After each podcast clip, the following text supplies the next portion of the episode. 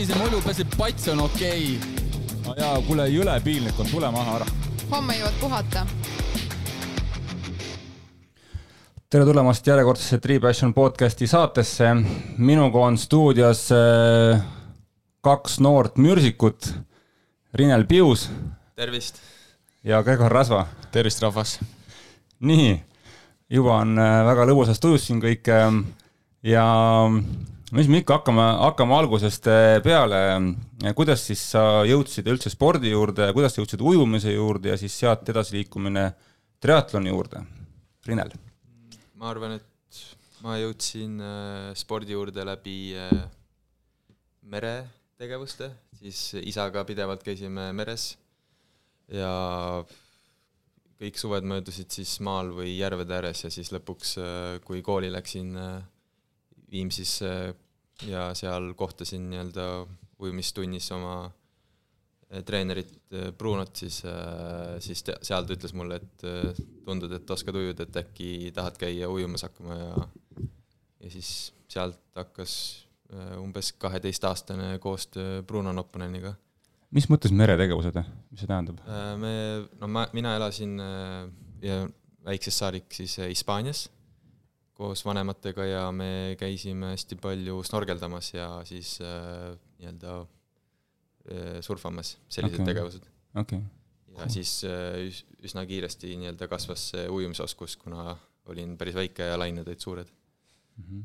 ja aga mingi hetk kolisime tagasi Eestisse ja siis Viimsi koolis äh, hakkasin teisest klassist saadik käima Bruno juures ujumistrennis ja sealt Äh, käisin Bruno juures siis teisest klassist kuni äh, ülikooli teise aasta alguseni, ehk siis mingi peaaegu kaksteist, kolmteist aastat ja ja Brunoga siis, Bruno on ise tuntud ka avaveeujuja ja siis üsna kiiresti lisaks basseinivõistlust, et äh, hakkasime ka suvel äh, avaveevõistlusi tegema. ja ma esimesed avaveestardid tegin siis kümneaastaselt. Ja, ja niimoodi tegime paar suve ja siis äh, mõtlesime, et võiks ka pikemaid asju proovida, siis kolmeteistaastaselt läksime peale esimesele kümne kilomeetri Eesti meistrivõistlustele ja ja sealt kuidagi tundus, et mulle vist pigem sobivad niisugused pikad avavee ujumised ja siis niimoodi me kokku leppisimegi, et äh, iga siis äh, sisehooaeg, nii-öelda sügis, talv, kevad võistlesime basseinis kõik võistlused ära ja siis kohe suvi otsa hakkasime tegema avaveeetappe ja kümne kilomeetri eestikaid ja viie kilomeetri eestikaid ja ja lõpuks kujunes see mul niimoodi, et äh, tekkisid võimalused esindada kümnes kilomeetris äh, Eestit siis ka välisvõistlustel ja siis sai käidud ka paaril juunioride Euroopa meistrivõistlustel ja viimane suurim võistlus, mis mul äh, kümne kilomeetriga oli, oli äh, kaks tuhat üheksateist äh, ujumise maailmameistrivõistlused Lõuna-Koreas, kus oli ka siis basseinikoondis kohal ja see on ka vist ka üks mu meeldejäämaid võistluseid, sest seal kohtasin ka hetkel nii-öelda tegijaid, basseiniujujaid ja avavõõjaid nagu Ameerikast Caleb Dressel ja itaallane Gregorio Baltrineeri ja kes kõik on siis mitmekordsed olümpiakullad nii basseinis kui javavees ja kas see oli, kas see oli Viimsi see, ütleme Viimsi ujumisklubis oli see nagu tavapärane, kuna treener oli Bruno, kes oli nagu tuntud ava, ava, avaujuja see hetk, et eh, oli seal grupist veel neid, kes tahtsid ujuda avavett ja kümmet kilomeetrit ja?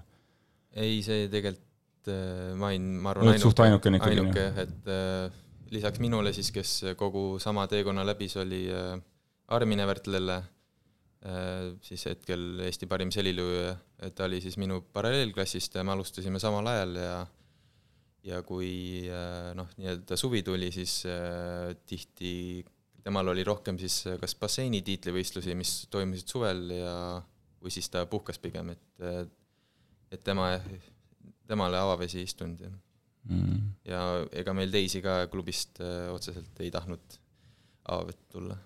mis sul Eestis lemmik avaveevõistlus on?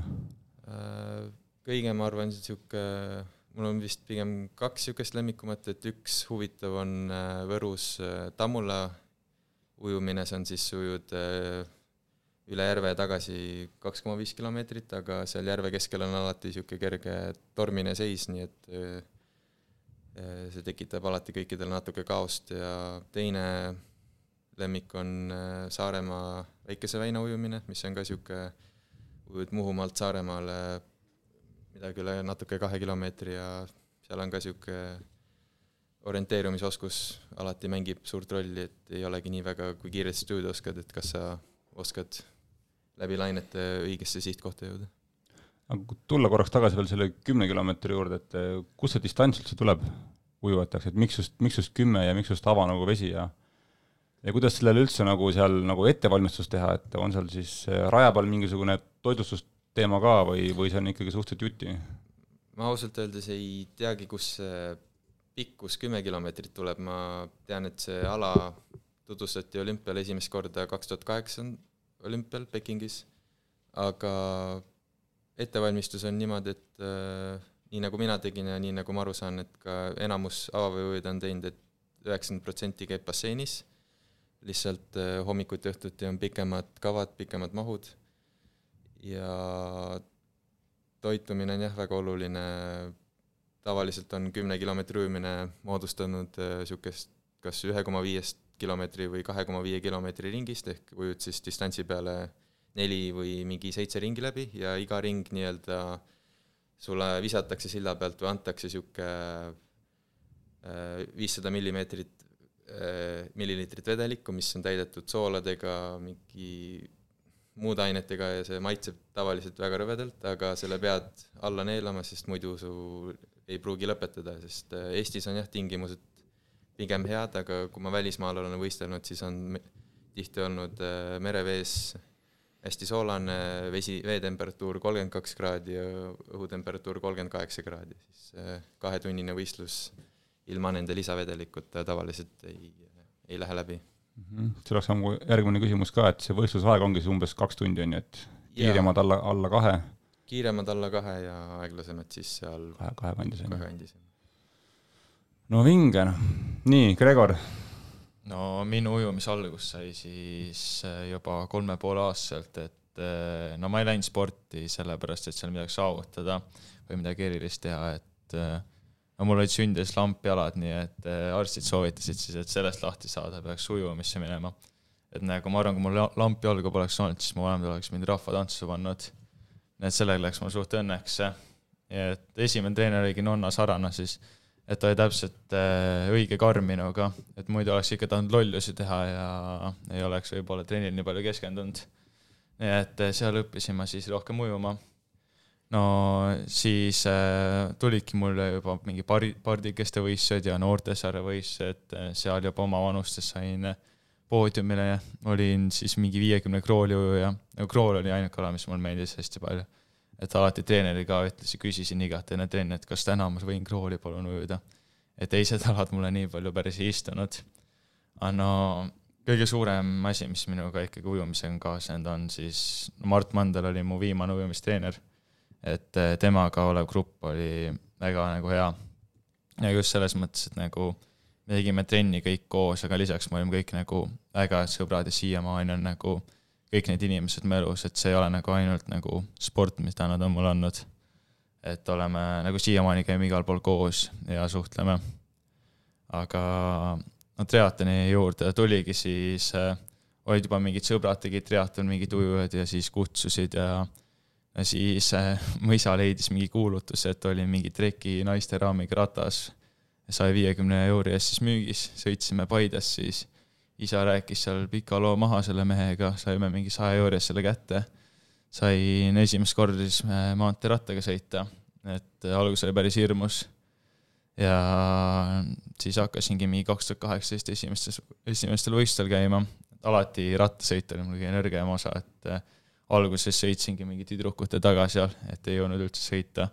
aga no ujumine, jooks on mul nagu kogu aeg nagu naturaalselt välja tulnud. Et nagu kaks tuhat kaheksateist mul õnnestus isegi nagu Eesti meistritiitel võtta nagu ilma erilise ettevalmistuseta. ja no kaks tuhat üheksateist sain ma suvel päris mitu korda äh, ujumisspordiklubi poistega laagrites käia, et seal siis nagu kohtasin nagu häid sõpru, Rasmus Poison oli seal ja Sander Aavik, kõik olid siis minust sel ajal nagu kõvasti tugevamad ja nagu sain õppida nei-, neilt, nii et äh, nagu nemad on ka nagu suur osa sellest, et miks ma hakkasin seda nagu üldse rohkem tegema. et nad olid nagu head konkurentid, head sõbrad. Ja kaks tuhat kakskümmend siis äh, tuli mul ujujooksevõistlus, seal tegin esimest korda siis vanusegrupi rekordi. Ja siis mõtlesin esimest korda, et äh, ujumises mul ei olegi antud nii palju, et mul, ma ei ole kahemeetrine ja mingi sajakilone lihases mees, et äh, ma olen pigem veits nagu kõhnem poiss ja vastupidavust on ja kiirust ka pole nii palju, et äkki lihtsalt prooviks triatloni ja siis sealt sai ka alguse, et küsisin Markolt, et kas ma võiksin nagu suurtemate poistega treenida. Marko oli kohe nõus ja siis jõudsingi ma Tryhardsi grupini.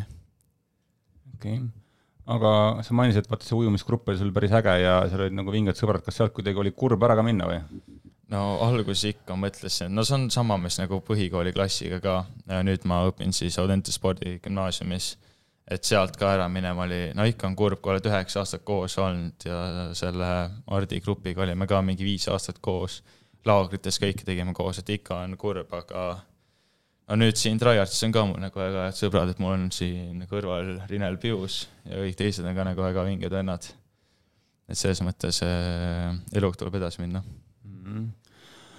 aga tuleme korraks tagasi siis teie ujumistulemuste juurde ka, et te olete mõlemad ikkagi olnud päris, ma arvan, et Eesti mõistes täiesti korralikud eh, noh, tippujud ikkagi, et eh, siin on tulnud eh, mõned fänniküsimused ka siis, et erinevatest datadest on ju, käime korraks siis ujumise datad läbi, et mis te ise arvate, mis teil nagu parimad ujumistulemused on? Te võite rääkida ka sellega seoses, et mis oli enne triatlonit ja mis on siis nagu triatloniga, kas on nii-öelda paremaks läinud on? Riina näiteks on äh üldiselt äh, noorte juunioride klassis ma arvan, äh, ma ujusin äh, võistlustel, eriti estikatel, siis kõiki alasid, välja arvatud selilialad. ja ma ka iga korra eile veel vaatasin ka statistikat, et õnnestus nii delfiinis, konnas, kroolis, kompleksis ka kõikidel aladel, kõikidel sajastel, kahesajastel, neljasajastel võtta ka noorte ja juunioride estikatel medalid ainuke, kus medalit ei saanud, oli kõik selilialad ja siis äh, mõned viiekümnesed. ja mida ja absoluudiklassi poole edasi liikusin, seda siis kadusid ka mul need sajased, kahesajased ära, ei jaksanud nii kiiresti ujuda kui need sprinterid ja siis jäi äh, kakssada konna ja nelisada kompleksi, millega ma äh, siis iga aasta estikatel suutsin kummaskis mõne medali võtta ja nii-öelda ujumispunktide süsteemi mõttes FINA punktid, millega määratakse siis, äh, kui kaugel sinu aeg on nii-öelda maailmarekordi ajast. kõige paremad tulemused on mul neljasaja meetri kompleksujumises ja kahesaja meetri konnaujumises.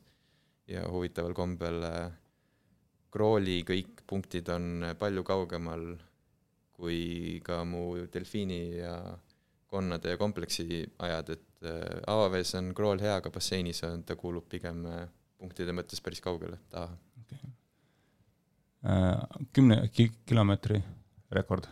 või kas seda, kas, kas seda üldse nagu nii-öelda loetakse ava, ava nagu vees, et või see on umbes nagu triatlon, et distants on erinev, rada on erinev kõik ja seal kahjuks jah, ei saa niimoodi lugeda, sest seal loeb alati jah, kas on järvevesi, merevesi, lained, tuuled, kas on soolasus või mitte ja, ja aga minu isiklik on siis äh, nüüd äh, triatloni ajal ujutud nüüd möödunud suvel siis tund viiskümmend seitse minutit. ja see oli kus, see oli see oli Otepääl Eestis, jah. aga tingimused olid ka selleks ikka väga head, oli üks väga sile vesi ja tuult polnud igaks juhuks küsin üle ka, et kümnes kilomeetris seal mingisugused äh, kalipsod on ju keeratud, on ju, ainult see mingi äh, tekstiil? kui seal on äh, alla kaheksateist kraadi, siis on kalipso kohustuslik okay.. seal on natuke jah, teised äh, parameetrid kui triatlonis, et äh, triatlonis vist on äh, alla kahekümne jään vastuse, jään vastuse võlgu, jah, seal on ka jah, et ütleme siis kaks nagu nii-öelda kraadi vahemikku, sõltub et vist nagu distantsist, et kus on kalipso keelatud ja kus on nagu kohustuslik. okei okay., aga avavees jah, kui kaheksateist kraadi ja üle on, siis kalipsoga ei või. Okay. ma just mäletan, ma mingisuguseid äh, tiitlivõistlusi olen vaadanud äh, ava, avaujumises ja seal ikkagi oli pontooni poolt hüppega, kõigil olid nagu seljas klipsud, siis ma hakkasingi mõtlema, et kas siis on või ei ole, aga ju siis oli siis seal külm, külm vesi. aga nii palju on, et avavees on lubatud äh, need keelatud trikood, mis on basseinis keelatud siis, need okay. kunagised pikad ujumistrikood. et nendega põhimõtteliselt nagu võib, on ju? annab see juurde ka, on ju siis ikkagi? see annab ikka väga palju juurde ma, me kunagi kuidagi mõõtsime ja see ikka oli kümne kilomeetri peale neli-viis minutit. okei okay., see on ikka päris palju, jah. kuidas see äh,, ma nüüd hüppan veits edasi, kuidas teil on äh, ujujatena üldse see kalipso ujumine? see on nagu, mingid ujujad on rääkinud, et, et on jõhkralt ikkagi, ikkagi võõras, noh, et ma mäletan, et äh, et Gregor Sirke ujus mingi aasta Otepääl seda tiimis ujumist ja ta sisuliselt nagu veel viimasel hetkel äh, proovis seda kalipsot seal kuskil kõrval ja ütles, et nagu ma ei saa ujuda sellega ja läkski ilma lõpuks, läkski uikaritega, noh. kuidas teil sellega, just nagu see üleminek, kui te olete olnud ikkagi, nagu suhteliselt ujujad, on ju, ja nüüd järsku peab panema selle kalipso endale selga, on see ikkagi siis nagu harjutatav ikkagi või ei ole või? no mina ütleks niimoodi, et nagu tavalistel ujujatel on ikkagi meil on ikka mingi ujumiseelis teiste triatleetidega, et näiteks meil ei vaju näiteks jalad põhja, me suudame ennast parem vee peal hoida ja aga lipsa teebki selle eelis, et see just hoiab sind vee peal. nii et äh, näiteks Meer Rineliga on siis väiksem eelis teiste ujujatega võrreldes, teiste triatleetidega võrreldes siis ja no lisaks on veel tõmbeefektiivsus, et äh, Kalipso toob sul õlad rohkem kinni ja nagu raskem on üle viia kätt ja no mul on hoopis teistsugune tõmme selles suhtes, nagu kui ma hakkan Kalipsoga ujuma nii et nagu mulle kindlasti sobib pigem ilma ujuda. ma nõustun täiesti, et mulle läheb nüüd kolmas aasta ja ma ikka ei ole harjunud ära kalipsoga ja see on pigem vastumeelne tegevus minu jaoks, võistelda ja ujuda. võõras jah, et põhimõtteliselt kui oleks triatloni võistlus sooja veega, siis igal, igal juhul parem on ju. kindlasti. igal juhul parem. ma olen ka seda eelmisel suvel märkasin, et kui olid võistlused ilma kalipsota, siis äh, mul oligi nii-öelda ajaliselt edu suurem teiste ees ja kui me olime kõik Kalipsoga, siis me olime kõik üheskoos, sest ma ei, minu jaoks ei anna mulle, see pigem jah võtab minu kiirust maha, sest ma ei saa oma tõmmet mm. maksimaliseerida. mäletan jah, kunagi aastaid tagasi ma tegin samasugust statistikat tegin, et äh, ilma Kalipsota sain ma teatud konkurendi ees edu mingi kolm minutit ja Kalipsoga oli see võib-olla ainult mingi poolteist. et no, see oli tegelikult päris suur vahe, jah, jah, et, et tõenäoliselt on see umbes, umbes, umbes niimoodi, et ujuvad ujuvad ikka sama kiiresti, lihtsalt eh, teised ujuvad nii-öelda tagapool kiiremini. et see on see nagu vahe.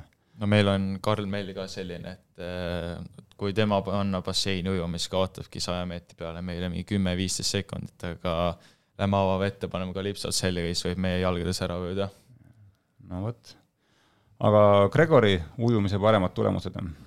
no eelmine aasta oli siis viimane aasta, kui ma tegin äh, nii-öelda ujumise karjääri siis Eesti meistrivõistlustel sain ma neljanda koha kompleksi ujumises, neljases scroll'is olin ma poodiumil, tuhande viieses scroll'is olin ma poodiumil ja kaheses scroll'is jäin veel ka neljandaks.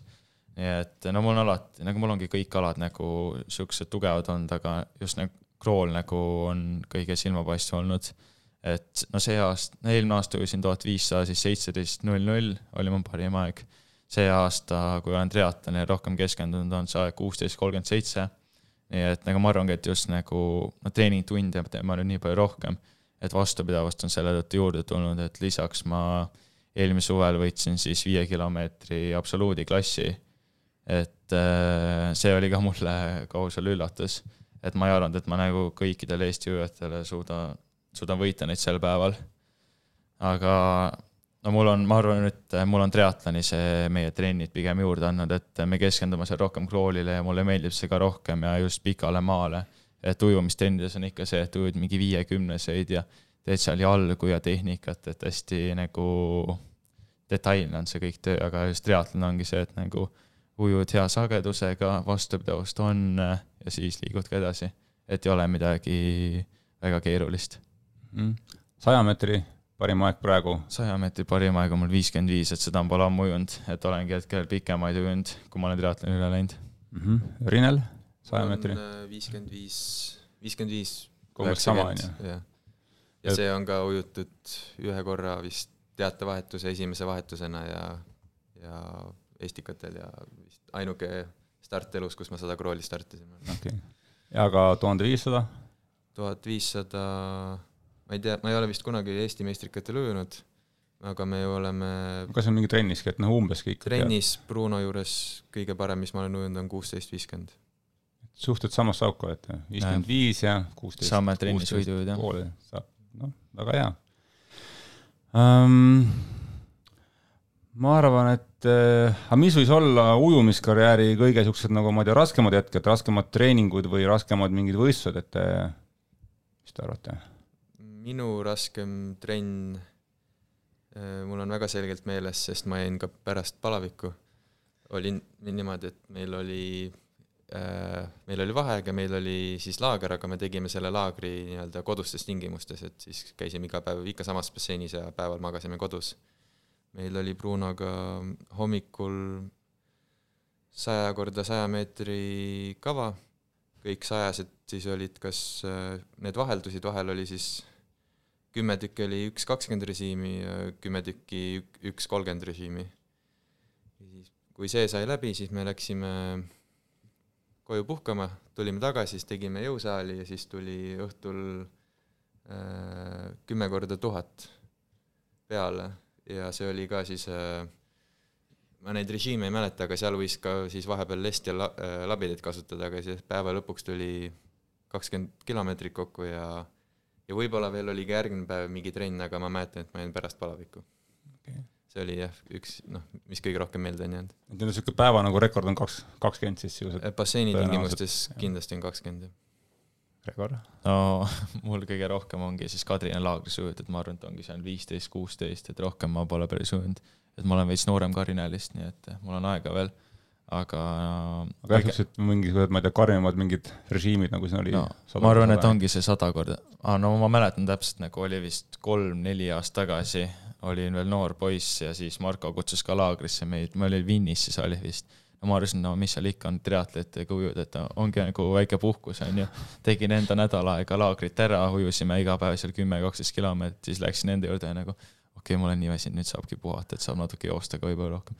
Lähen esimesse trenni ja siis Marko lükkab meile selle häid jõule kava, mis oli siis sada korda sada ja siis ma alguses arvasin, et see oli mingi nali või midagi, siis vaatasin, kõik läksid vette, hakkasid ujuma, siis ma olin nagu aa okei okay,, päris huvitav, nii et seal pidi ikka päris palju pingutama, et teistega kaasa ujuda.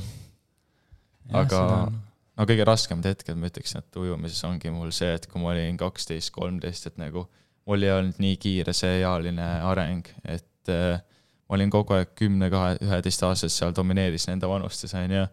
aga mingi kaksteist, kolmteist, neliteist seal nagu nii paljud hakkasid nagu pikemaks kasvama, jõudu tuli juurde ja nagu mul füüsiliselt nagu ma ei saanud neile üldse vastu.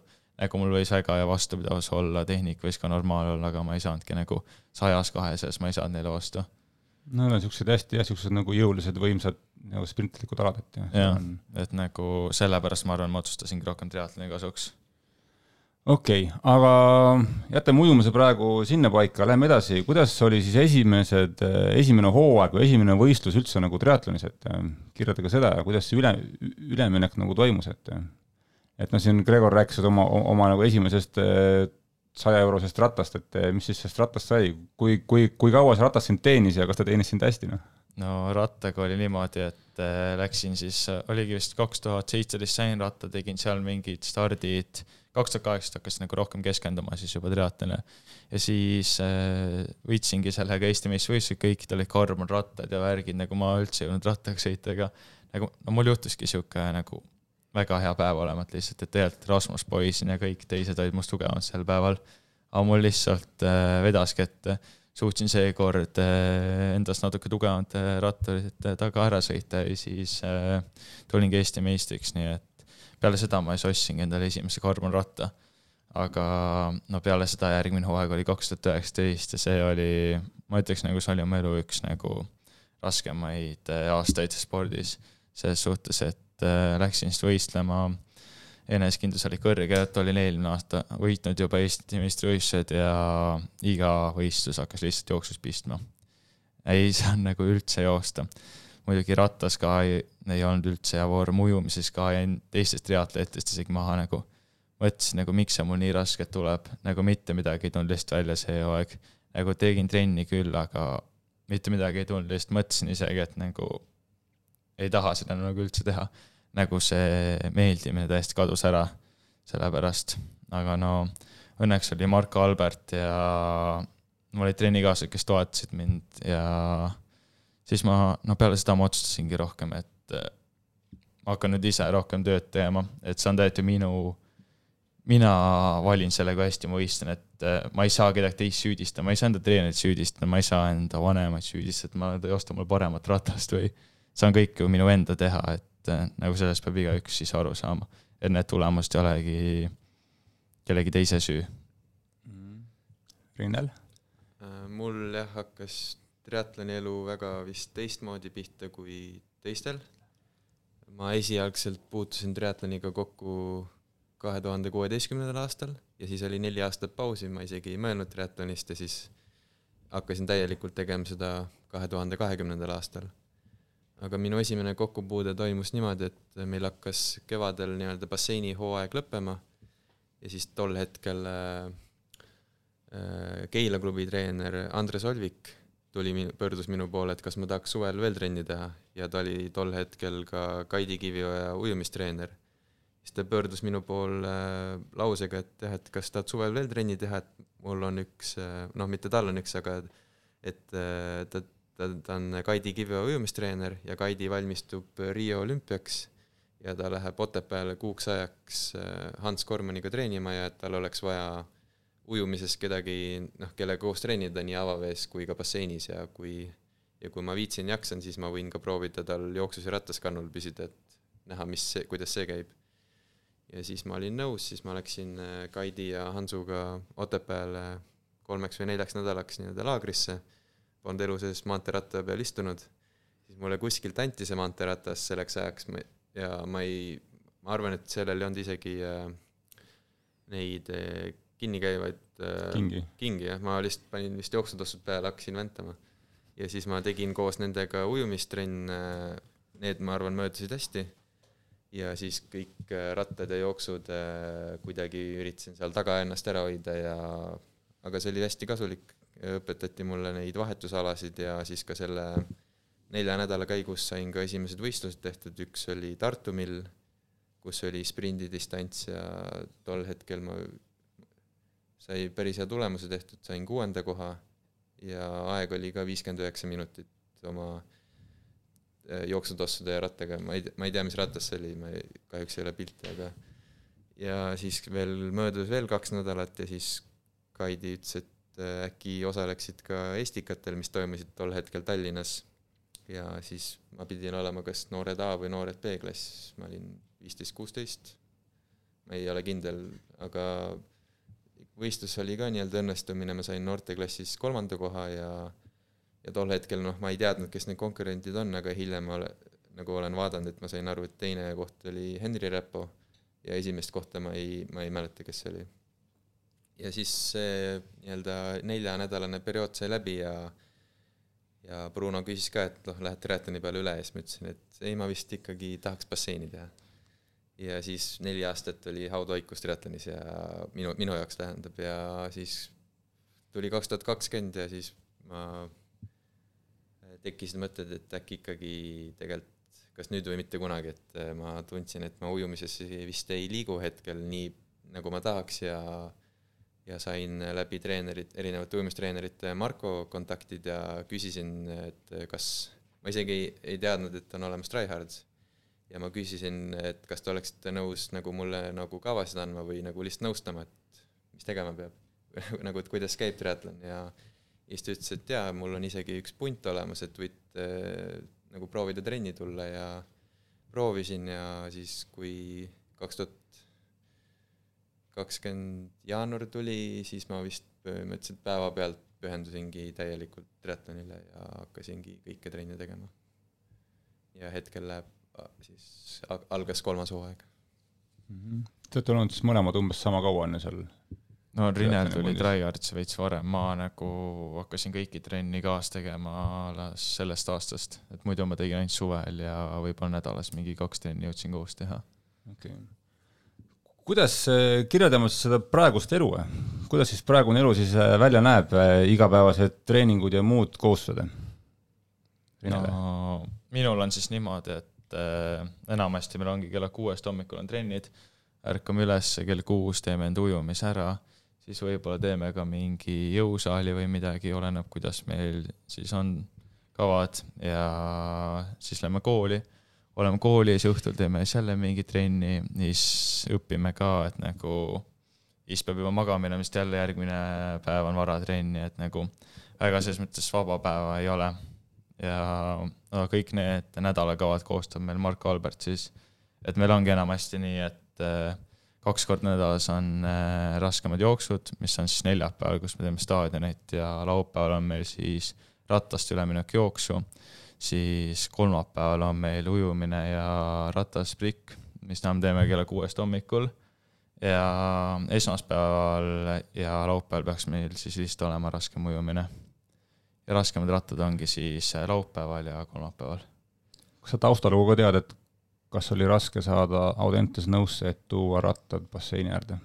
seda ma küll ei tea, lihtsalt tõime põhimõtteliselt ühel päeval sest ma mäletan, kunagi oli Kalevis äh,, oli jõhker teema see, kui, kui me tahtsime rattaid tuua sinna tribüüni peale, seal äh, neid rulle sõita, siis oli mingi jõhker probleem sellega ma arvan, me oleme ikka ka pärast ära tüdanud neid võib-olla Audentes inimesi, me veame seda ratast halli ja ujulasse ja et nad juba ei viitsi, ma arvan okay.. lasevad, lasevad okay. trenni teha lihtsalt. tõenäoliselt küll, jah. Rinder, minu noh, graafik on sa, päris sama, ma arvan, ainult äh, kool on teine, et äh, me ka iga päev siis viie paiku ärkan ja ujumi, ujuma ja jõusaali ja siis kooli ja siis õhtul on ka kas ratasjooks ja mõned päevad on nädalas eriti hullud, kus siis ongi kell viis ärkan ja ja lähen kodust välja umbes viis nelikümmend ja koju jõuan kell üheksa õhtul ja see on siis, ongi päev täis liikumist olnud, et ja siis isegi selle, nagu need, niisugustel päevadel ei ole ka, ei jõua ka õppida ja peabki kohe magama minema, et homme midagi sama, sarnast äh, uuesti teha. mis sa õpid? Äh, mina hetkel olen siis Tallinna Tehnikaülikoolis äh, magistris ja õpin keskkonnainseneri erialal ja käimas on esimene aasta ja juba ka paar kuud olen oma magistritööd siis kirjutamas, kuigi aega tegelikult on, aga teema tuli kiiresti ja idee ja siis otsustasin ka juba kohe kirjutama hakata. rääkige laagritest nendest Treehardsi laagritest, kas siis Eestis või siis äh, lõunaselt, et äh, kuidas seal asjad äh, toimuvad, mõned, mõned, ma ei tea, naljakamad, huvitavad juhtumid seal? no meil on siis see aasta käisime Fortentural siis laagris, seal no Rinelit kahjuks ei olnud, aga kõik teised olid, seal olid meiega siis ka soomlased, et vahepeal nagu mõned soomlased ajasid nagu päris kettas koos olla et seal olid ikka mingid siuksed ujujad, kes rahulikult olid ujumistel, üritasid näidata, kui kõvad vennad nad on, siis panid räigelt kiiresti ujusid enda soojendust siis kohe, kui tuli põhiosa, ei jõudnud enam mitte midagi teha. no meil oligi üks juuniori poiss, oli Veikas Haren seal, et tema, mina, Armin, Johannes ja Veikas saime siis nagu päris hästi nagu kõik trennid tehtud. Et nagu saime samal tasemel rattas, jooksus ja ujumises nagu trennid tehtud mind jah, mind jah seal laagris ei olnud, aga nad on nendest soomlastest juba kuu aega jahunud, et midagi nad tegid neile. nojah, et väga ei meeldinud seal mõned vennad, aga no mõndadega sai hästi trenni tehtud ja siis lähme Mallorcale ka nüüd äh, märtsis. viisteist aprill. Ah, viisteist aprill jah, vabandage mind ja seal meiega tuleb siis Timo Jeret ka, kes peaks ikka Norm Ironmani vend olema. et temaga, no pulli võib-olla saab selles mõttes, et temaga saame jälle korvpalli mängida, siis saame võib-olla mingid rahad ka tema kohale panna, et ta on julge mees selles aha, suhtes. okei, okei. Gregor Rasva siis on niisugune mees, kes on nõus oma elu pettima ükskõik mille peale ja Timmo on juba, ma arvan jah, umbes viiskümmend protsenti Gregori, Gregori elu omanik. Aga ükskord ma ikka võidan selles suhtes. jah, sa pead jah lõpuni mängima, kõik mängud tuleb lõpuni alati mängida. aga mõtle, mul on üks küsimus ähm, Äh, aa, selles mõttes, et vaat teil on pundis äh, vaata Karl Mell ja sa nüüd mainisid ka Ti-, Timmot, on ju, kes tegelikult on ju pikamaa mehed täitsa, on ju. et kuidas teil see niisugune sümbioos seal käib, et äh, kui teie ikkagi pigem olete ikkagi puhtalt nagu triatloni mõttes nagu sprinterid, on ju, seal mingi tunnised võistlused, hästi kiire, kiire üle, üleminekud, kõik on nagu maks pulsiga, on ju. ja siis kõrval on mingid vennad, kes nagu noh, põhimõtteliselt tiksuvad, on ju. et äh, kas seal on kuidagi mingisugune, mingi hõõrumine ka natukene, et äh, sina tiksu rahulikult oma trenne, ma siin jooksen lõike või? ei ole tegelikult, no hetkel on Karl meil natuke oma teid läinud, ta on ja. hakanud treenima Saksamaa klubi all, aga muidu, kui me kõik koos treenisime, siis ainuke treeningi erinevus tuli tegelikult rattasõidus ikka no rattasõidus ja ka suurem erinevus tuli kuu või kaks enne tema võistlust, et ta muidu tegi kõik samad kavad, mis meie ja siis tal tulid äh, nii-öelda kuu või kaks enne niisugused oma treeningplaanid juurde. mingisugused võtmetreeningud yeah., mingid oma mingid tsüklid, on ju okay.. aga muidu, on Timo puhul ma ei oska rääkida nii väga, me no Timo, jaa, ei, ei tegelikult nii väga ei näe teda, aga käib ainult laagrites põhimõtteliselt? ainult laagrites. ta on Pärnus ka selles suhtes. ja ta elab Pärnus, aga Karl meil jah, muidu teeb samad kavad umbes, mis meie mm,. et seal mingisugust niisugust hõõrumist ei ole, on ju? on, on fine, no seda ma tegelikult arvasingi. kõik on tugevad selles suhtes. Aga tulles tagasi siis nende laagrite naljakate juhtumite juurde, et noh, kes seal jälgib Trihardsi story sid, siis kogu aeg on mingid ujumispükses mingi jooksmised ja asjad, et kuidas need siis äh, alguse saavad ja need no lõpplahendused? alguse saab kindlasti alati Gregor Rasvast, kes mõtleb midagi välja ja, ja tihti ise kaotab need, aga aga vist tookord ujumispükste asi oli, oligi mingi pett vist. No meil vist oli, no me põhimõtteliselt viskasime näppe, oli mina, Armin, Risto, ma ei tea, Rinel, kas sa olid ka meie ringis? aa, Johannes oli jah, siis viskasime näppe, ütlesime mingi teo, mida keegi peab tegema, kelle peale jäi ja minu korra peale jäi, nii et ma pidin selle kahjuks siis ette võtma. aga jaa, nagu pulli peab ikka saama selles mõttes, et nagu trenn ei pea olema see asi, mida sa teed lihtsalt, et okei okay,, nüüd ma lähen jooksen selle tund aega lähme jookseme pool tundi sinna, pool tundi tagasi. Ja selles mõttes, no meil on Armin Angerjärv ka grupis, kes on ka nagu ikka noorem pullimend selles suhtes, et nagu alati hoiab kõikidel näod naerul mm. -hmm, me siin äh, saade on, saade on kokku lepitud äh, ka siis äh, Johannese ja Arminiga ka, et olge, olge siis valmis. muidugi me ei tea, millal need kõik siin eetrisse jõuavad, aga, aga, aga jah, plaanis, plaanis on um, Ähm, aa, rääkides veel niisugustest jah, treeningprotsessist ja nagu laagritest, palju te nagu jälgite mingisuguseid eh, datat ja numbrit ja ma ei tea, pulsivööd, kellad on peal, et nagu sa mainisid, et noh, et teete trenni pigem nagu fun'iga, kõik, kõik on nii-öelda grupid eh, koos, on ju, et või et niisugust nagu väga julma jälgimist ei ole, on see nagu enesetunne baasil või on siis treener teab teid nii hästi, et ta täpselt ju teabki, et keda koos jooksma panna ja keda, keda vist mitte, on ju, et eh, kuidas see protsess umbes käib, et on niisugust äh, isiklikku ana-, analüüsi on palju või on see pigem, et noh, et teeme ära ja see on tehtud? ikkagi arvan, suur osa on enesetunde pealt, aga nüüd sellel aastal ja siis ka sügisel on rohkem hakanud ka nii-öelda äh, numbrid sisse tulema, et meil kõikidel sügisest on ka nüüd rat-, rattavatte näha, vist äh, eelnevalt oli ainult võib-olla kaks liiget grupist, kellel, kellel oli ja me nüüd tegime ühise otsuse, et kõikidel on olemas rattavatid ja pulsivööd on niikuinii kõikidel olemas. Ja ujumises on ka suht hea näha aegade põhjal ja pulsi põhjal, et äh, kuidas tunne on, aga ma arvan, et me oleme ikkagi äh, ise sportlastena oleme vähem nagu numbrite peal kinni, et me ikkagi tegelikult ei räägi trennides väga numbritest no enamasti meil ongi see intensiivsus on nagu rahulikud trennid, kus me lähmegi rahulikud, on siis kesktsoonis trennid, jooksus on siis umbes kolm kakskümmend kolm, kolmkümmend tempo ja siis on kiiremad, mis on meil jooksus umbes kaks nelikümmend viis, kaks viiskümmend. ujumises on äh, keskmine intensiivsus umbes üks viisteist kuni üks kümme ja siis kiiremad on sellest kiiremad. ja no rattas oleme me päris vähe vattidega sõitnud, et äh, seal me veel raske veel hinnata, on ju, mis see täpselt on, on ju noh, siin etteruttavalt võibki siis küsida ühe fänni, fänni küsimuse ka, et äh, siin Rivo soovib teada tehnilist datat nii palju kui võimalik, et äh, te olete käinud, ma olen vaadanud storydes, et käite käinud siis ka Tartu Ülikoolis äh, Jareki juures ennast testimas, et mõned numbrid sealt ka oskate öelda või kas või äh, missuguste kiiruste vattide juures testid lõpevad, äh, Vomaksid, FTP-d, mingid niisugused äh, datat ka enda kohta, noh, kõike ei pea rääkima, aga mille üle te näiteks olete uhked või mis on näiteks nagu muutunud siin aastatega, kui te teate? no ma võin öelda, et äh, no meil on siis niisugune test, et sõidame rattas kuni aeroobse läve lõpuni, mis on siis laktaadi järgi peaks olema alla nelja millimooli ja siis jookseme kuni maksimaalse intensiivsuseni siis ja jooks läheb iga minuti võrra null koma viis kilomeetrit tunnis kiiremaks. Rattas minu aeroobne lävi oli kolmsada nelikümmend vatti ja jooksus ma sain kakskümmend üks kilomeetrit tunnis, äh, lõpuni jõudsin. ja hapniku tarbimine oli mul siis seitsekümmend, mis on päris hea, et eelmine, no septembris oli mul nüüd kuus kuud tagasi oli kuuskümmend kuus sinnakanti.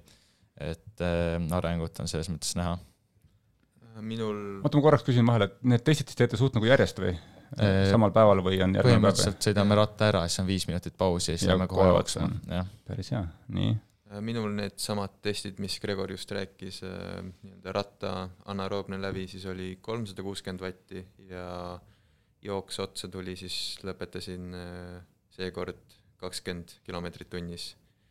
ja varasemalt seal noh, sügisel oli natuke jooks parem, oli kakskümmend koma viis kilomeetrit tunnis, aga sügisel oli ratas vähem, et seekord kevadel rattas on natuke parem areng olnud ja jooks on pigem hetkel natuke siis paigal olnud mm.. ja FTP mõttes me eelmine kevad tegime FTP-d, ma ei tea, kas sa, Gregor, tegid, aga no ma olin päris halb siis selles mõttes. aga tookord me jah, sõitsime kakskümmend minutit siis nii-öelda oma maksi ja siis mul tuli kolmsada kuusteist. No eks see nagu, mõtlen, et see FTP-ga jah, võib-olla niisugused sprinterlikud äh, triatleedid sellega pole ka väga midagi peale hakata, et võistlus on hästi kurvid, kiirendus, pidurdus, et noh, kes no., kes olümpiat vaatas, siis seal selle FTP hoidmisega pole mitte midagi peale hakata, et aga jah, omaksid numbrid kõik muudumid ja ma arvan, see testimine on, on teil päris nagu hea ja, ja kui võtta seda ka, et jookse lindi peale kakskümmend kilti tunnis, et juba nagu tasakaalu mõttes on see päris, päris nagu keeruline et sealt, sealt edasi juba noh, sõltubki nii paljudest pisi, pisiasjadest, kas see nagu õnnestub või minuga mitte, noh. Äh,. Lähme siis edasi, et äh, mis see, see hooaeg teilt siis toob, kaks tuhat kakskümmend kaks triatloni hooaeg, mis teil nagu plaanid on, kuidas see kalender on üles ehitatud, mis on siis ootused, äh, sa ei pea seda rääkima, kui sa ei taha ootustest ja mis sul enda nagu eesmärgid on, aga, aga plaanid, jah?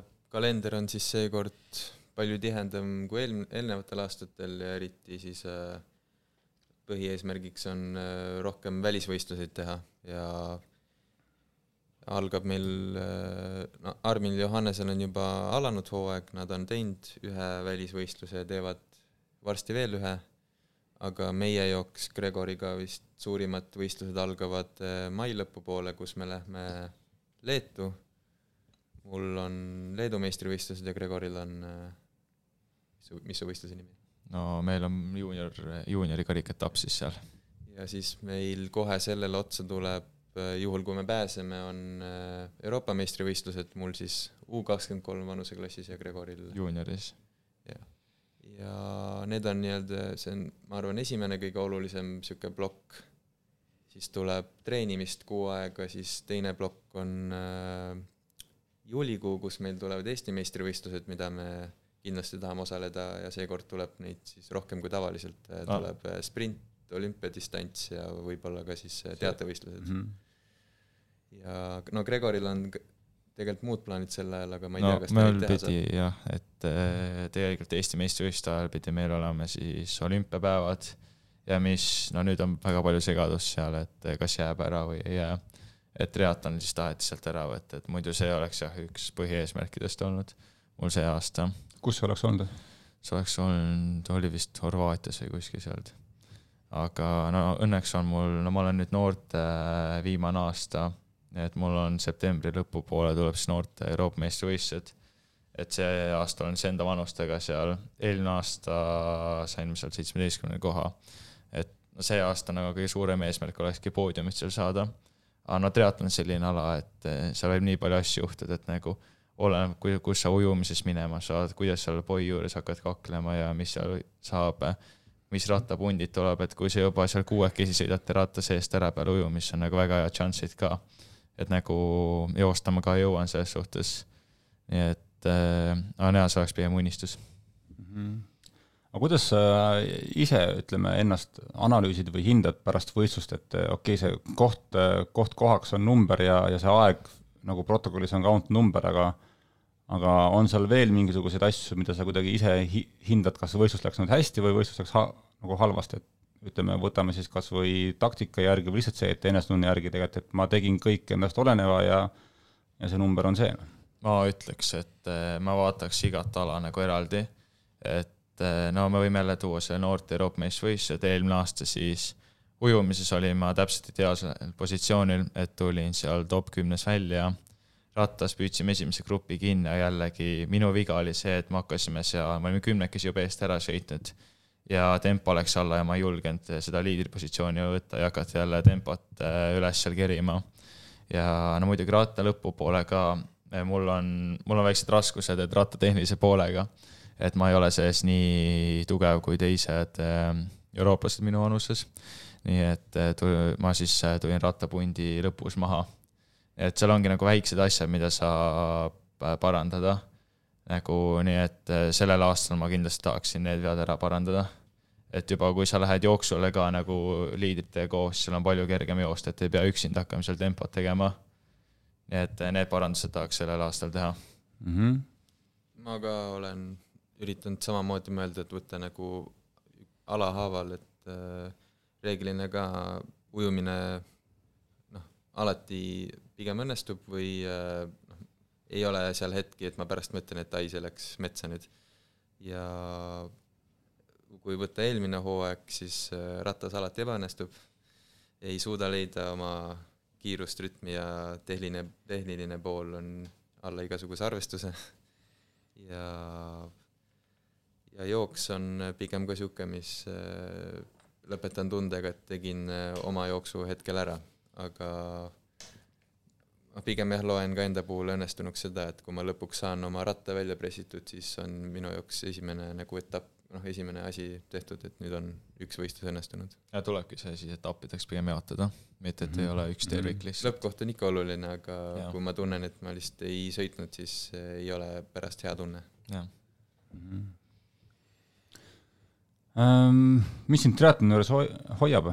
olete mõlemad juba siin mingid aastad juba olnud ja tundub, et äh, ei lähe veel niipea minema no mind kindlasti hoiab see, et ma nagu väga armastan seda, mis ma teen et nagu mul ei ole väga palju neid päevi, kus ma ärkan kella kuuest, vaatan lihtsalt ja olen, oh, jälle hakkab pihta, peab jälle ujuma, siis nii kiiresti ujuma ja kõike seda.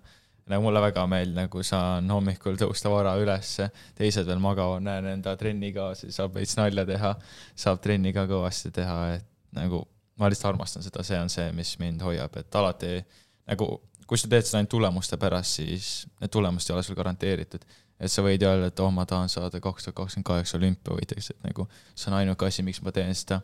ja siis tuleb vigastus, siis sa oledki nagu nagu sa ei ole ainult, sa ei suuda teha kümme aastat seda tööd, kui sulle ei meeldi see. et nagu see ei ole ainult äh, selle unistuse nimel, et sulle peab ka see igapäevaselt meeldima ka. mul vist ka umbes samamoodi, et ma vist ei suudaks olla, kui ma ei teeks trenni ja triatlon äh, hetkel noh, sobibki kõige rohkem minu jaoks, sest ma ei suuda, ma arvan, enam tagasi minna selleni, et ma hommikul ja õhtul vaatan sedasama basseini põhja, et äh, mul lihtsalt äh, kuidagi vaimselt ja on väga vajalik, et, et, et see vahelduks ja et sa lihtsalt, ongi huvitav, kui teed päev läbi trenni, aga iga trenn on tegelikult erinev. kuigi praegu on tegelikult ujumist suht palju ju, viis korda. ikka on palju jah, aga see kuidagi üks kord päevas ei tundu. Ei ole nii hull enam. seal on ikka vahe, kas sa teed viis korda nädalas või mingi kaksteist või kümme korda nädalas, selles suhtes. niipidi küll, jah um,. aga, aga, aga kui tuleb ikkagi need rasked hetked, mõned ikka on, et eh, kuidas siis ikkagi seda vaimu nagu tugevana hoida või mingisugused äkki mingid soovitused võib-olla mõnele teisele noorsportlasele näiteks, kes on, kes on praegu võib-olla kahe vahel näiteks, mõtleb, et tahaks nagu triatloni teha või, või mingit muud ala teha, aga no vot, vahepeal kord kuus on niisugune hommikus nagu üldse ei viitsi ja ei taha, et ei, nagu see on täiesti normaalne, kui sul on nagu seda harva, aga lihtsalt seda tuleb minimaalsena hoida pigem. aga no lihtsalt tuleb äh, seda teada, et nagu raskeid hetki on kõigil, et nagu mitte ühelgi olümpiavõitjal, et see ei ole lihtsalt nagu kogu aeg üles äh, ei saa minna. et sa peadki vahepeal nagu all ka ära käima selles suhtes, et jälle üles tulla et see ongi nagu protsess, vaat nagu mida sa, mida sa peadki armastama. et äh, sa ei saa täiesti tippu jõuda, kui sa, kui sa vihkad enda neid raskeid hetki ja sa mõtled, sa tahad kohe lõpetada sel hetkel nagu ja sa võid alla anda, aga kui mulle meeldib see, siis ma ei annaks sel hetkel alla veel. ma olen üritanud kuidagi, kui on jah, niisugune raskem hommik eh, ja tunne, et miks ja milleks ja mis elu on ja siis ma olen üritanud kuidagi lihtsalt eh, hästi palju lõdvemalt mõelda ja võtta see üks trenn korraga ja täiesti aju tühjaks teha ja lihtsalt mõeldagi niimoodi, et eh, lihtsalt mine kohale ja, ja ürita nagu hästi mõttevabalt ära teha, et ära tekita endale seda pinget, et see on, nüüd on üliraske, et ja siis läheb kõik metsa, et et kuidagi jah, see mõtestamine, kui läbi selle olen proovinud ja aidanud, on siis erinevad äh, podcast'id, äh, mida on mõned teised sportlased üle maailma teinud ja kus siis ka ma olen kuulnud erinevate teiste tippsportlaste soovitusi, et äh, ma teen jah, ma arvan, vaimselt asju, mida, mille peale ma ise ei ole tundnud, et ma olen kindlasti ürit-, teinud asju, mida ma olen just kuulnud teistelt sportlastelt. Teid aitab vist selles protsessis Raimo Üravere ka, on ju, aeg-ajalt? jah. on tast abi olnud? No ja ta aitab meil nagu tiimi rohkem tervikuna ka tunda selles suhtes mm. -hmm. et eh, no nüüd meil oligi oktoobris vist, kui ta käis meil seal laupäeval peale trenni. aa, mind vist ei olnud, aga ah jaa, okei okay.. sina siis saad rääkida. no põhimõtteliselt eh, pidime siis panema kirja enda kõik nagu elu suurimad etapid, mis muutsid meie elu siis ja tiimi peal, no siis oligi nagu kohe näha nagu, kes julges ennast rohkem avada ja kes ei julgenud ja nagu tegigi niisuguse gruppi kuulumise tunde meile. et eh, no ta aitab ka personaalselt, on aidanud, näiteks ma tean, et Arminit on aidanud, Johannest on aidanud, et nagu kohe, kui meil tekib mingeid raskeid hetki või on, on vaja abi nagu just vaimse poole pealt, saame tema poole iga hetk pöörduda, et ta on meil selles suhtes alati olemas mm. -hmm. kindlasti ka see grupitrennid aitavad selle kergemaks teha, et kui sa tead, et äh, ärkad kell viis, et äh, ja mõtled, et sa ei hakka kohale minema, siis sa tead, et Marko on seal, Gregor on seal, Johannes on seal ja siis tekib juba ka see mõte, et aga oota, nemad on ju seal, et siis peaks ju ka minema. jah, me, see, ma arvan, töötab igasuguse ühis nagu trenni puhul ka siin äh, teistes, ma arvan, klubides samamoodi, et kui ongi mingi vähem mingisugune, ma ei tea, vihmasem ilm ja peaks minema metsa mingeid jooksuhüppesid tegema, siis ega üksi sa tõenäoliselt ei lähe sinna põlvetõset tegema, aga kui seal on mingi punt on koos, kes eh, veits teeb nalja ka, siis tõenäoliselt see trenn on nagu tehtav. koos on alati lõbusam, jah. ja, ja siis äh, ma arvan jah, eks, eks need nagu podcast'id ka kindlasti nagu aitavad, et äh, olen ka erinevaid siin kuulanud ja ikkagi kõik niisugune, ma arvan, niisugune äh, vaimne pool või niisugune tööeetika ikkagi paljudel tippudel või nii-öelda nagu tippu pürgivatel on tegelikult suht nagu sarnane, et nad on kõik niisugused hästi töökad ja distsiplineeritud nagu inimesed, et ma arvan, see ongi see edasiviiv jõud neil. ja niisugused rasked treeningud võibki võtta kui niisugust, ma ei tea, iseloomutreeningut, et see ongi nüüd see treening, mis nagu loeb, et kui sa siis suvel on mingisugune raske hetk, siis sa mõtled, et näed, et talvel oli veel, veel nagu raskem hetk, et täna pole midagi, et täna on suht lihtne pigem rohkem isegi tekib seda rasket hetke trenni ajal kui enne trenni minekut, et ja. Äh, rohkem on jah, et enne trenni mhm. tavaliselt ei saa midagi aru, mõtled, et vaatad kavale peale, et täiesti tavaline ja siis hakkad tegema ja siis tunned, et äh, nüüd ei lõpeta ja siis nagu täna hommikul, jah? nagu täna hommikul ka ja siis kuidagi tulebki võtta selle äh, ära unustada, et tuleb järgnev seeria teha kogu aeg ühe seeria kaupa ja siis minna järgmise juurde. mis siis täna hommik oli? No meil oli viis koma viis kilomeetrit kokku ja oli kaksteist neljasajas, siis kolm tükki oli viis kolmkümmend režiim ja üks oli viis nulli. peale vaatasime, mõtlesime, et nagu väga kerge trenn, et tuleb lihtsalt, lähme ja ujume seal läbi. hakkame pihta siis ja täna lihtsalt viie kahekümne kujud oli miskipärast juba päris raske. ja alla jah, nelja viiekümne kujud oli juba ja. täna täiesti, ma, täiesti maksimaalne ja kuidagi kloori oli ka veits palju. ja siis vahepeal jah, tekkis niisugune tunne, et ükshaaval tilgume kuskile ära ja läheme haiglasse, aga, aga samas kõik saime tehtud ikkagi ja, ja vaata selliste asjade, need ongi hea, head nagu treeningud, et aastaid tagasi äh, tegime Tartus äh, viieteist kilomeetri ujumist paar, paar korda ja puhtalt sellepärast tegimegi viieteist kilomeetri ujumist, et siis need äh, nelja-viiesed nagu tunduksid lihtsalt, vaata, et ja sama, samamoodi nagu sa ütlesidki, et ujusime nii-öelda äh, nagu tsüklite kaupa, noh, oligi üks tsükkel oli neli korda nelisada, tegid ära, siis oli tehtud, lähed edasi, on ju, et ähm, siis lõpuks sai viisteist kokku, et ähm, muidugi ma ei soovita seda teha, aga, aga ma arvan, kümnest piisab küll, noh yeah,. Yeah. kas teil on veel mingeid äh, soovitusi või õppetunnid, mida te olete siin siis äh, kogenud enda, enda naha peal, mida siis ütleme, oma nagu minevikku endale ütleksid, et ära seda enam tee ma ei tea, kas mingid treeningasjad, mis on läinud või kas mingi varustusega mingi asi, ise oled ära lõhkunud rattaga midagi või või, või mingi toitumispoolega enne võistlust söömine, võistluse ajal mingid taktikaasjad, toitumine? no ma ütleks, et äh, mul on eelmisest hooajast võtsin ma selle kaasa, et äh, triatlonis äh, esimesed kaks ala on pigem, sa pead võimalikult kergelt ees, ees olema. Et seal pole mõtet, nagu ma juuniorikarikaetappidel seal pleedis tulin seal kolmandana välja, ujusin ennast põhimõtteliselt täiesti tühjaks ja siis jõudsin rattale. Esimese, tegin tõusu ära, hakkasin alla minema ja siis lihtsalt nagu nõrgalt togiti mind nagu üldse tugevalt. ja siis nagu lihtsalt keha oli nii nõrk ja lihtsalt paningi mäsa seal. Et äh, olen seda õppinud, et nagu pigem esimesed kaks alat peavadki võimalikult kerged tulema, et nagu jooks on ikkagi see asi, millega sa otsustad enda lõppkoha mm. -hmm. et esimesed kaks ala nii palju kui vaja, nii vähe kui võimalik ja, ja siis täpselt. jooksuga võidule mm. -hmm. väga hea noh. sellist kaks suuremat viga, mis mulle meelde tuleb, üks on minu, üks on Gregori oma ja ma ei tea, kui Gregor on nõus ütlema enda oma, siis ma võin ka enda oma öelda. puudutab ratta tehnilist poolt ja sa saamatust äh, ratta paikapanemisega äh, kas ma alustan siis? sa võid alustada. minu oma siis on see, et ma sain eelmiseks suveks äh, laenatud siis TT-ratta, millel olid äh, tubeless äh, rehvid ehk siis selle noh, piimaga. piimaga, jah. ja mina, ma ei tea, kust ma võtsin selle, aga ma olin veendumusel, et neid ei pea pumpama. ja ma polnud neid noh, mitu kuud pumbanud. ja siis ma läksin võistlusele peale ja siis Eesti meistrivõistlused. Eesti meistrivõistlustel peale, seal oli kaks või kolm paari sees ja no need olid noh, täiesti tõssid ja see rehvi ülemine pool läks vastu seda rattakereni, et need rehv ei käinud korralikult all ringi ja siis sellega ma panin nelikümmend kilti ära ja ja, ja siis pärast süüdistasin ratast ja siis sain aru, et pidin ennast süüdistama.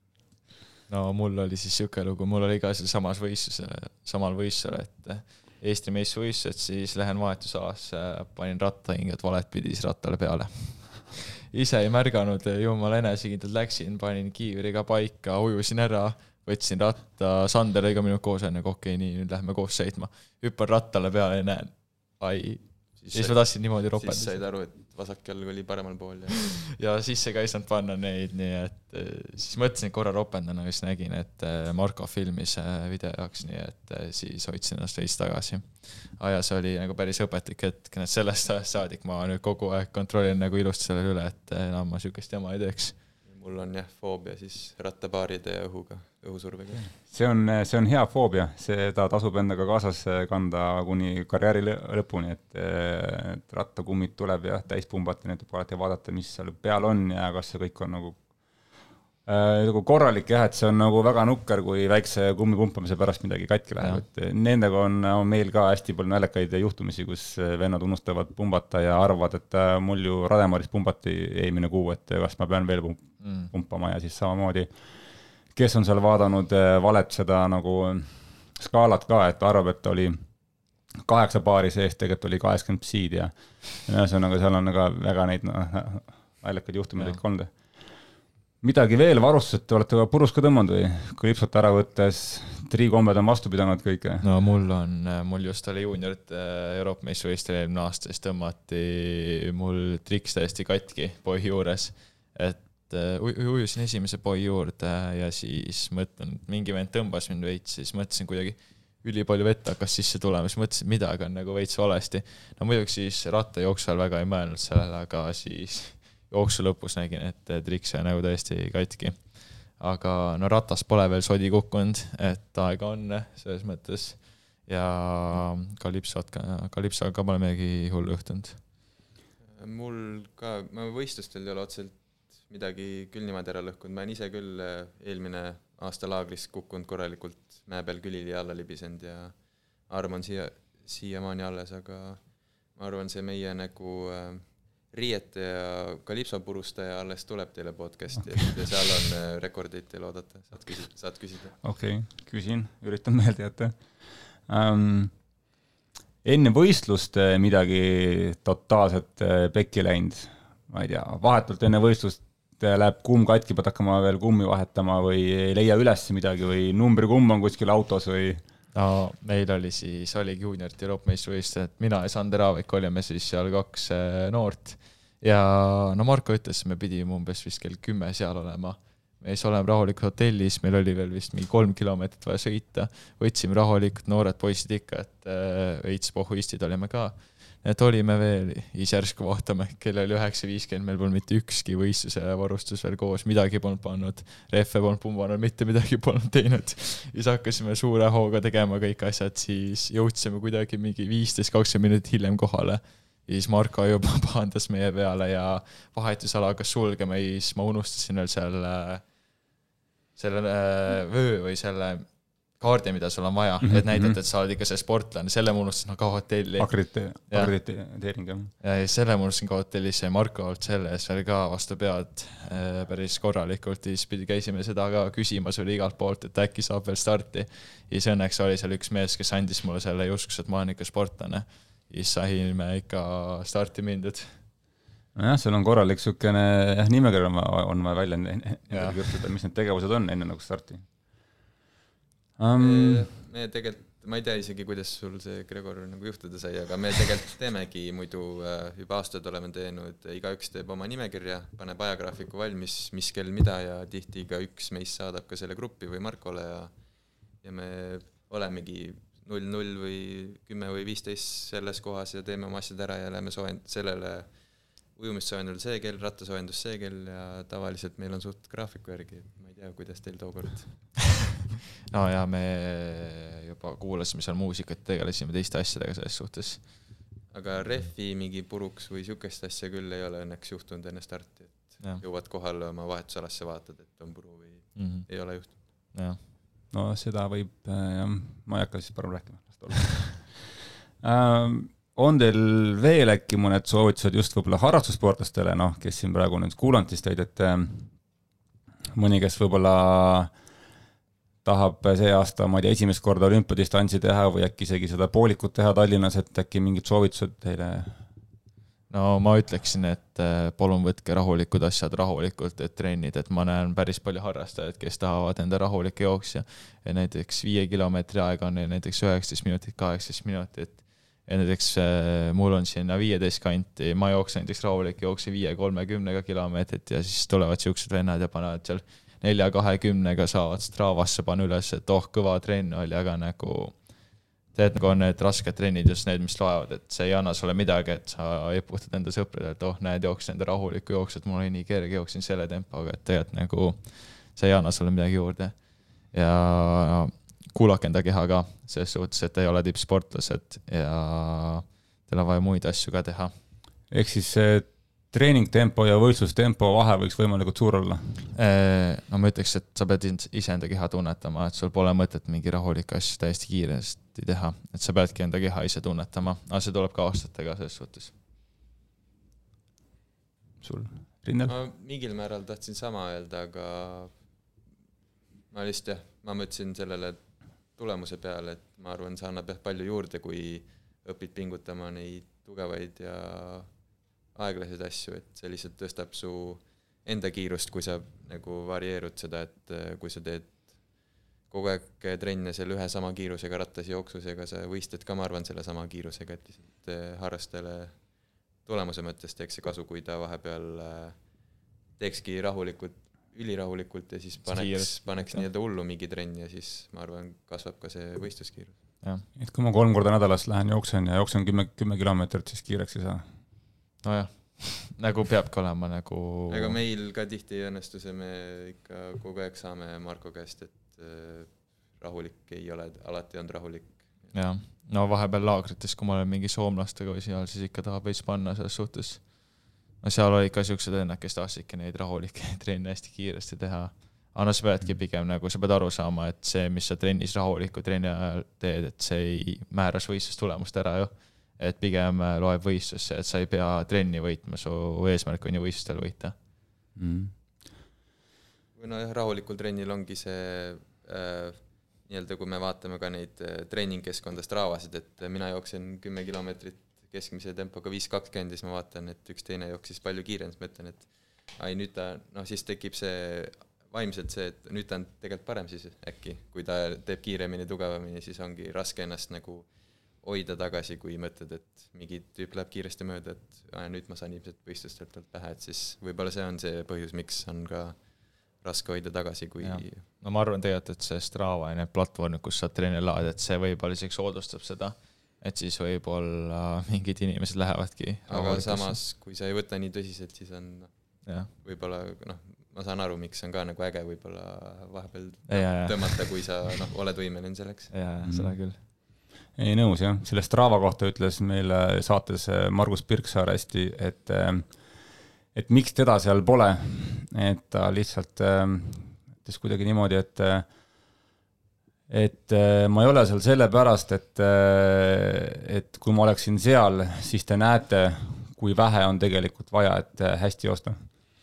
et, et ei, et ei usu seda, et kui vähe ja mis, missuguseid treeninguid ma teen ja ma endiselt jooksen hästi et ta sellepärast ei lähe sinna, et las siis see visioon olla, et on vaja teha pikki, pikki trenni ja kiiresti joosta kogu aeg. ma olen näinud, kuidas näiteks Kristjan Blumefeld ja Gustav Viidenik ka mingid harrastajad on küsinud, et kas see on kogu trenn, mis te teete päeva jooksul. et tegelikult seal ei olegi nagu, seal ei olegi mingi ühte võtmeasja, mida, tee seda ja siis sa saad tugevaks, et see ongi nagu päev päeva järelt teed seda tööd ja siis tulemused tulevadki aga rääkides siis eh, välismaa triatleetidest, te kedagi nagu jälgite ka, et ütleme siin harrastajad jälgivad, noh, niisugused lemmikud, keda nad jälgivad, on no Lionel Sanders näiteks, et see on niisugune lemmikmees, Payne Cave'is, tundub, et iga, iga trenn on veri, on ju, ma arvan, et see on ka täpselt niimoodi, et et see, mis ta üles paneb, on alati see, mis on veri, aga ma arvan, et ta ikka tiksub seal ka korralikult. Eh, mulle ta ei meeldi, kui aus olla, sest eh, ta ei ole ujumistaustaga, mulle meeldib rohkem näiteks Jan Frodeno ja muidu minu jaoks on parim triatleet Äh, ajaloos ikkagi Alistair Brownlee, kaks olümpiakulda, ma tean, et mu treener Marko Albert on väga vihane, et ma ütlesin seda, sest ta arvab, et teised mehed on palju paremad. aga ma jään ikka selle juurde, sest ta on ikkagi ainuke triatlet, kes on maailmas seda teinud.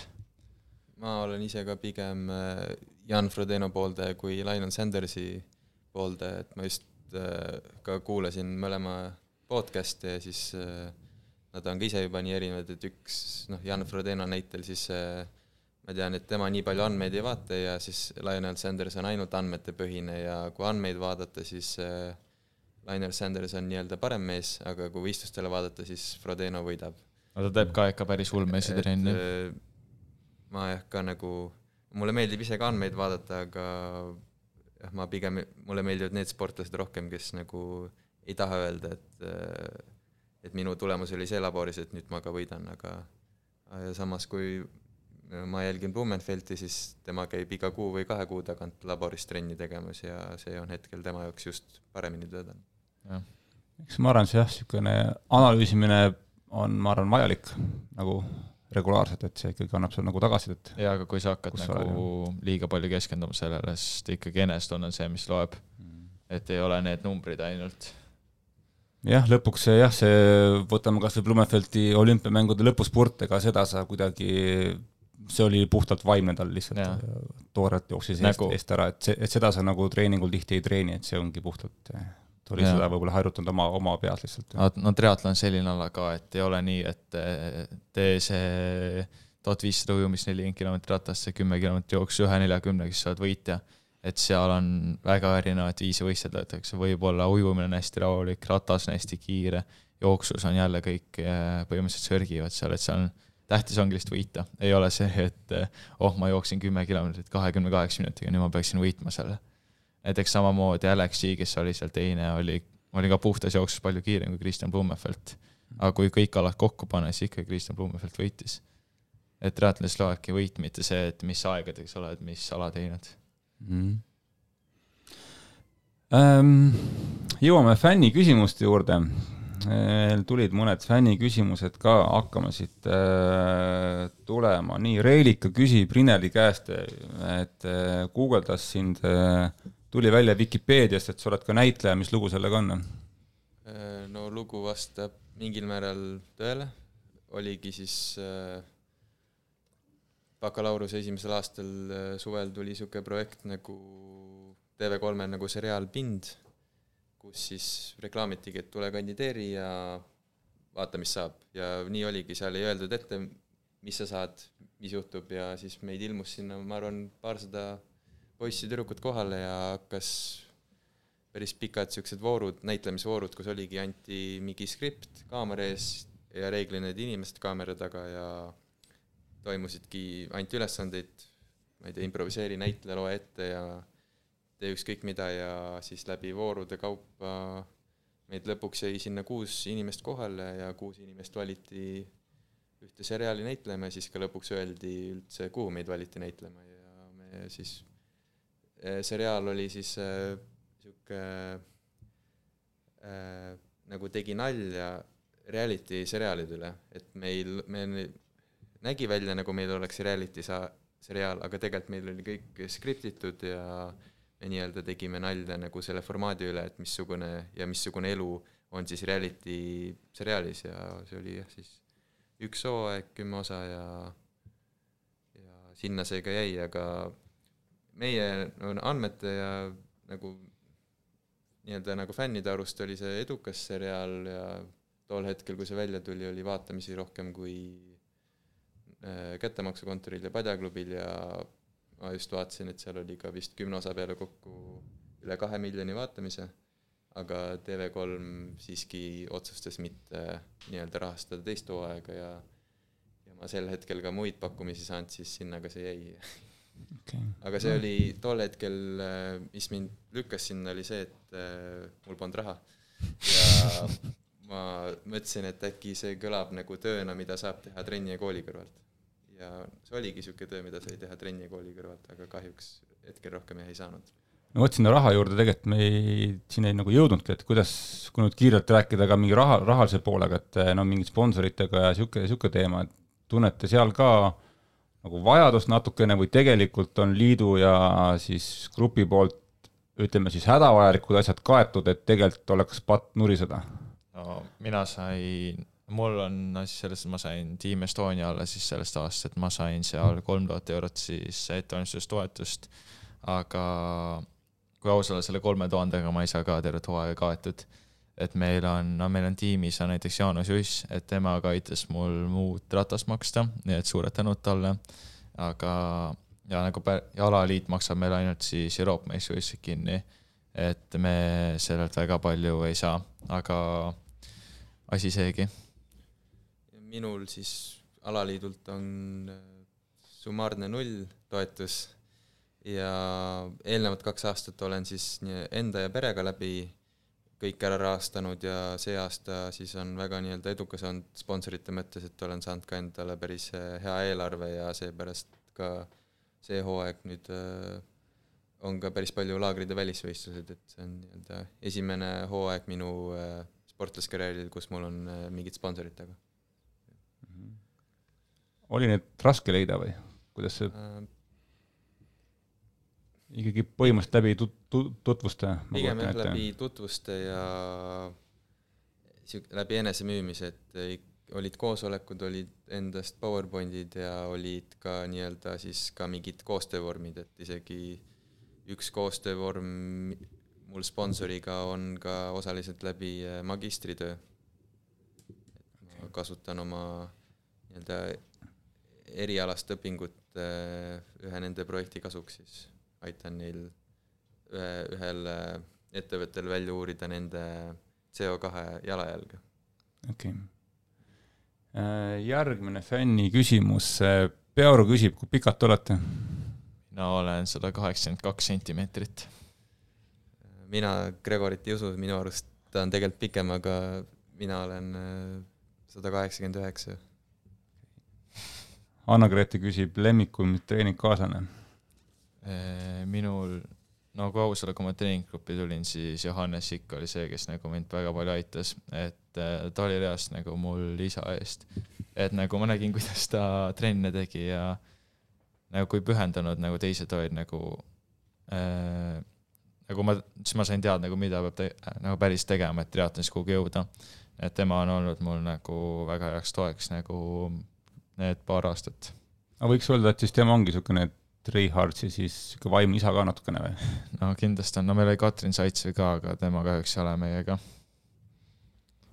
mul ka vist samamoodi, et Johannesel on kuidagi kõige rohkem aega olnud ja su-, aidanud mind ka alguses hästi palju ja aga ma arvan, et uh, ujuja aja jooksul siis, kellega ma kaksteist aastat iga hommik ja õhtu koos olin, siis seal pean ütlema Armin Evertile, et eh, kui teda poleks olnud, siis ma ei oleks ilmselt ka nii pikalt üksi küll suutnud hommikuti õhtuti käia, et juba kahekesi vahepeal oli niisugune tunne, et meid on vähe, aga nüüd on meid grupis üle kümne, et nüüd on vähe lõbusam.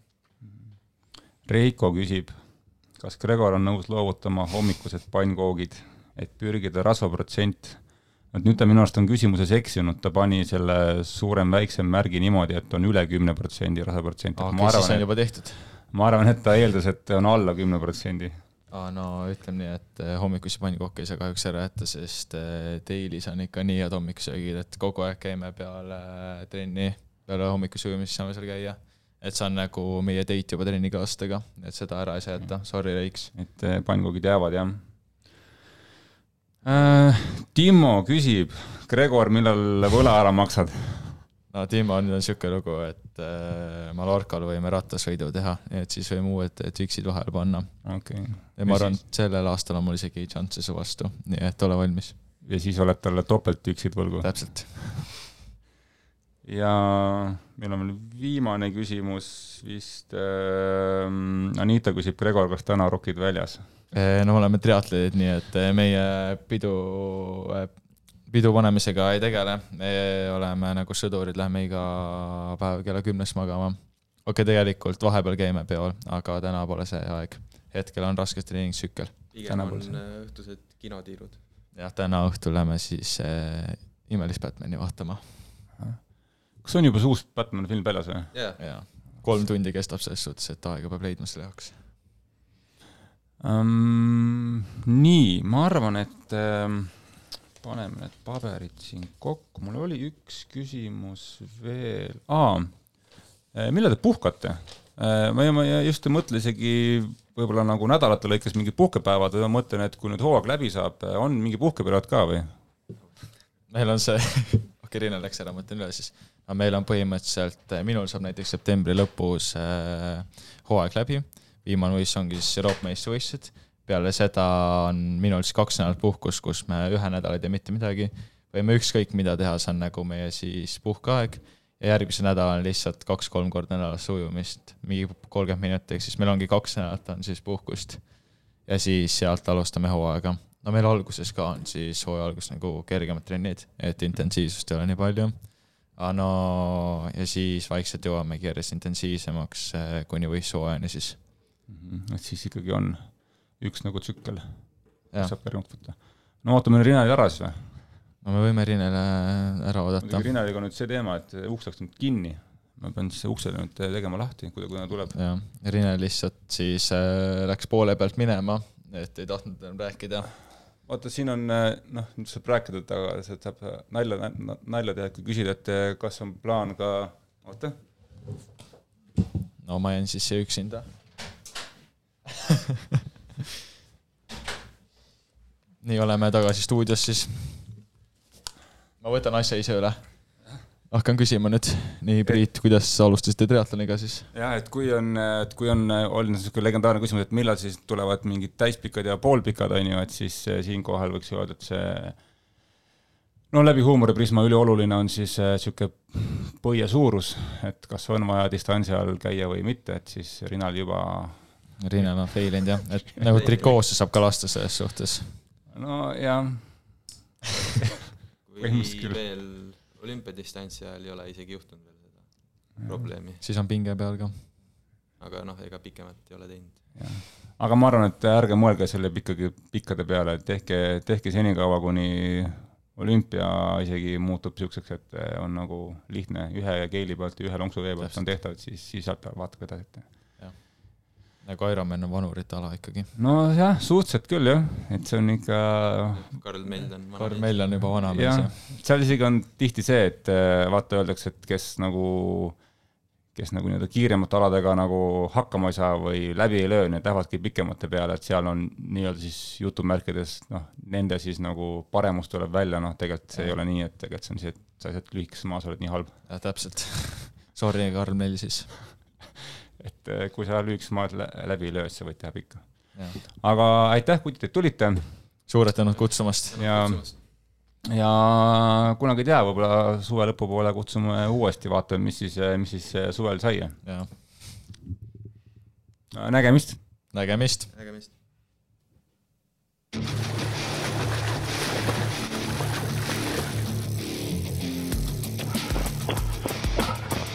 Savise mulju peseb, pats on okei okay.